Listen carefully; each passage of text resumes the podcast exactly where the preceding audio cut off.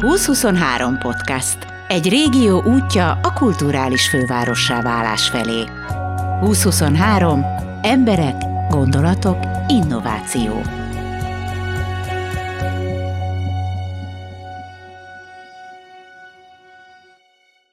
Szombati Gyula színművész a szomszédunk. Balatonalmádiban él. Kicsit rádiózik, néha színpadra is áll, és persze learatja egy gyönyörű pályababérjait. Minden szava derű és bölcsesség. Először arról mesél, hogyan került a Veszprémi Petőfi Színház színpadára. Véletlenül kerültem a Veszprémi Színházba. Tudni illik, elkövettem egy csínyt. Az utolsó előtti szerepem a Radnóti Színházban Só Pigmalionja volt. És ahogy ígéretemet megtartottam, és 70 éves korom után elköltöztem Budapestről, és letelepettünk Balatonalmádiban. Egyszer csak meghallottam, hogy az én volt Radnóti színházi igazgatóm a Veszprémi Petőfi Színházban rendezi a My Fair Lady című musicalt, elkezdtem gondolkodni, hogy te Gyula, hát eljátszottad a szedes embert az izében, a Pigmalionban, a Lizának, a Lizinek a papáját, azt a részeges csavargót. A musicalt eljátszottad annak idején, a számot eljátszottad a főiskolán annak idején.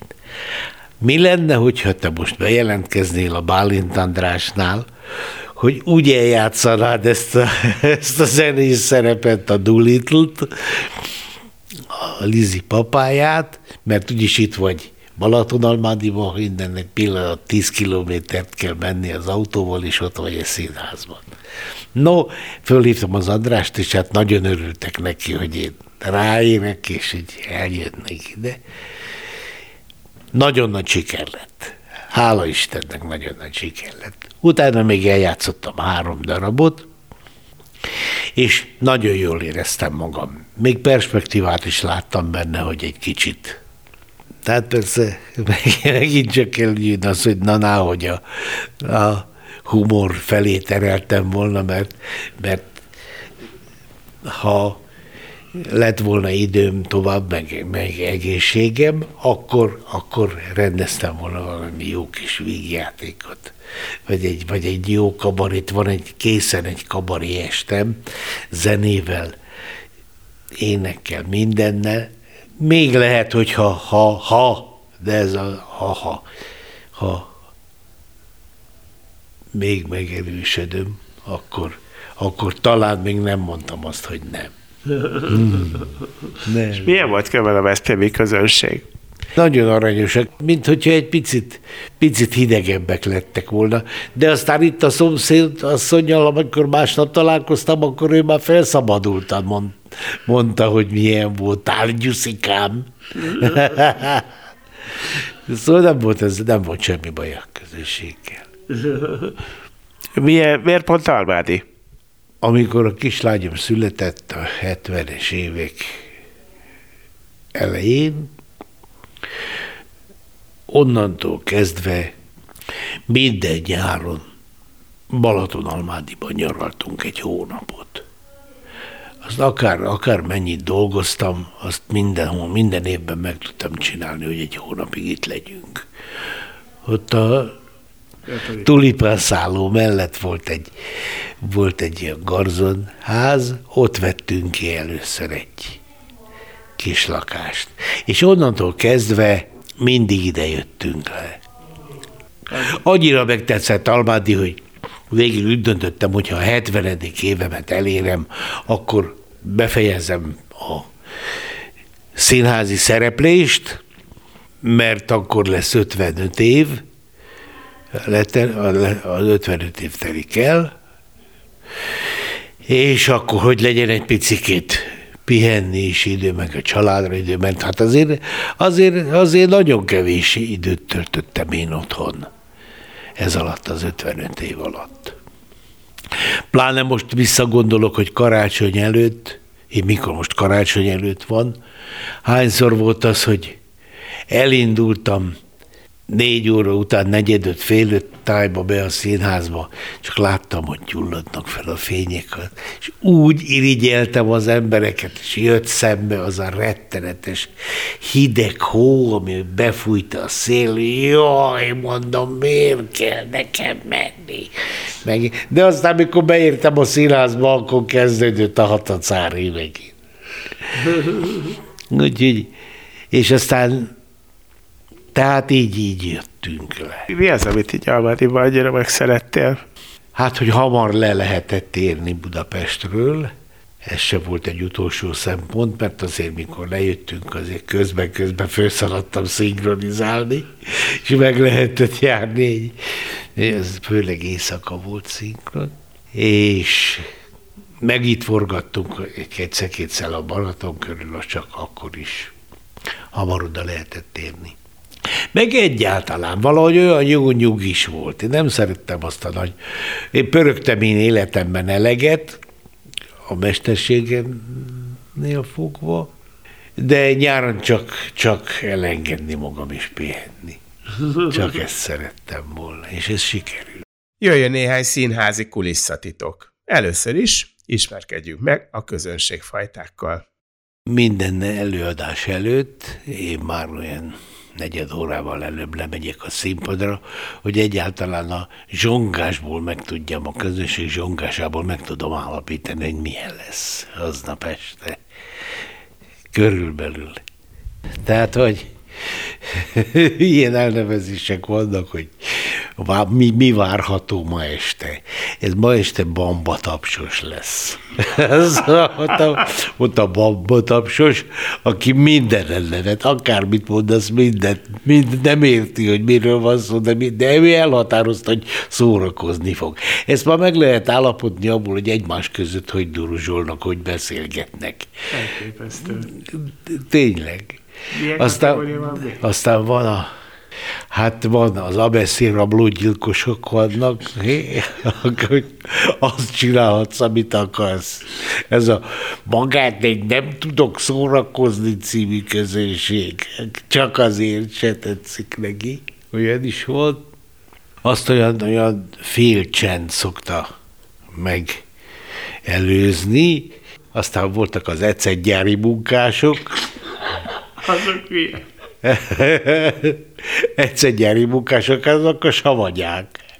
Savanyák. Egyszer gyári munkások, azok se az Istennek nem nevettek. A másik pedig, hogy kérdez, hogy milyen a közönség. Ha azt mondják, hogy csupa érsebész, akkor tudod, hogy semmi jót nem lehet várni, mert akkor nagyon, nagyon kukacoskodóak lesznek.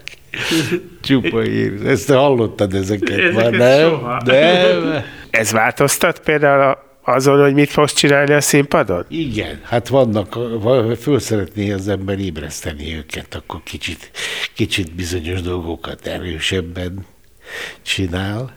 Hát vagy, vagy igen, hogy hangsúlyosabban, de olyan nincs, hogy, hogy teljesen te is beállsz tőle, és akkor nem, így hagyjuk már a felébe ezt. Nem, nem, nem, nem, nem, nem, nem, nem. Nem szembesítjük vele, hogy hogyan viselkedik. Ne. Nem, azt nem lehet.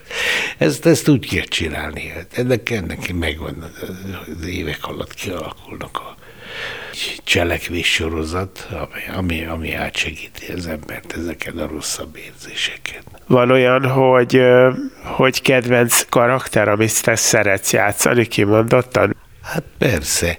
Hát van elesettebb figurákat, olyat, amilyeneket, amiket nagyon tudott a Salamon Béla bácsi játszani. Kazallacinak is voltak olyan jelenetei, amikor olyan kis tutyi embert játszott. Csákányi Laci tudta ezt nagyon. De te egyáltalán nem ez a karakter voltál. Te, te, neked erre nem volt esélye, te nem volt ez az eleset. Te a huszártiszt voltál. De igen, de, de akkor is, akkor is azokat a szerepeket szerette. Azokat, amik olyan, olyan én szerettem Unterman lenni, tehát szerettem mondjuk a Körmendi Jancsinak föladnia, mert az is egy tudomány, hogy hogy adok végszót a partnernek, hogy az le tudja csapni, és ott csattad, azon, azon nevet nagyon a közönség. Ez egy nagy felelősség. Azt is megtanultam, igen. Jancsi mondta, Körmendő Jancsi bácsi mondta, hogy nagyon szeret velem játszani. Ezt, ezt ő tisztességes játéknak nevezi. Tehát az, hogyha figyelek a partnerre és vigyázok rá, az a tisztességes játék. Igen. És ez nem olyan gyakori? Hát nézd, valaki csak a saját érdekét, ez mondja, mondja, mint Ágnes asszony, hát ez nem, vannak önző emberek. Kolléga nőkre pedig tudni kell vigyázni. Az a, az, a, az a legnagyobb tudomány egy férfi színésznek. Hogyan kell egy kollega nőre vigyázni? Hát, a nők sokkal sérülékenyebbek azért bizonyos dolgokban, mint mi vagyunk. Sokkal több olyan lelki behatás éri őket, érheti őket napközben, meg egészségügyi, meg akárhol. Szóval én jobban tudtam, hogy a bal alsó hatos mikor fáj a kolléganőnek, mint a, mint a hozzátartozója. Annyira kellett vigye, kell vigyázni rájuk, mert szegények végig killódják különben az előadást. Tehát, hogy érezze rajtam, hogy én bármikor tudok segíteni, akár tév, nyugodtan téveszthet, ha véletlenül téveszt, akkor is tudok segíteni. Ezek nagyon fontos dolgok. Ezt tanítani kéne a főiskolán. Ezek után, hogy neked nem tanították, te szólnál tudtad? Hát vidéken én nagyon sok mindent megtanultam az alatt, a hat év alatt, amíg Szolnokon voltam. És hát aztán állandóan fejlődtem, mert 18 év Színház után először négy év Arizona Színházban voltam, és utána tíz évig elmentem Sopronba. És hát azért ezek már reflexek kiváltak az embernél. Uh-huh. Meg hát az igazság az, hogy, hogy napi felkészüléshez ez hozzátartozik, hogy nem is elsősorban hiszen a szöveget, az természetes, hogy megtanulja az ember a premiérre. Most én nem arról mondok, hogy előfordul, hogy elfelejt egy-egy szót, vagy nem tudom, vagy máshogy mond, hanem magát a textust azt meg, meg kell tanulni tíz, tíz hét alatt. De hogy mi történhet a színpadon éppen aznap előadáson, tehát olyan váratlan dolog, hogy mit tudom én, rövid zárlat lesz a kerületben valahol, és elalszik a villany, és mit kell akkor csinálni, mit csinálok, hogy folytatom, vagy nem folytatom, vagy meddig tart, tartok szünetet, vagy meddig nem tartok szünetet. Szabad-e akkor valamit improvizálni, vagy megmondani, hogy a helyzetet megmenteni. Ezek mind akkor, ezeket mind végig kell gondolni előadás előtt. És egyébként volt ilyen esetet? Volt volt, volt. Nem, nem olyan, nem emlékezetes, de ez reflexből már lehet rajta változtatni. A diátadorról mesélj.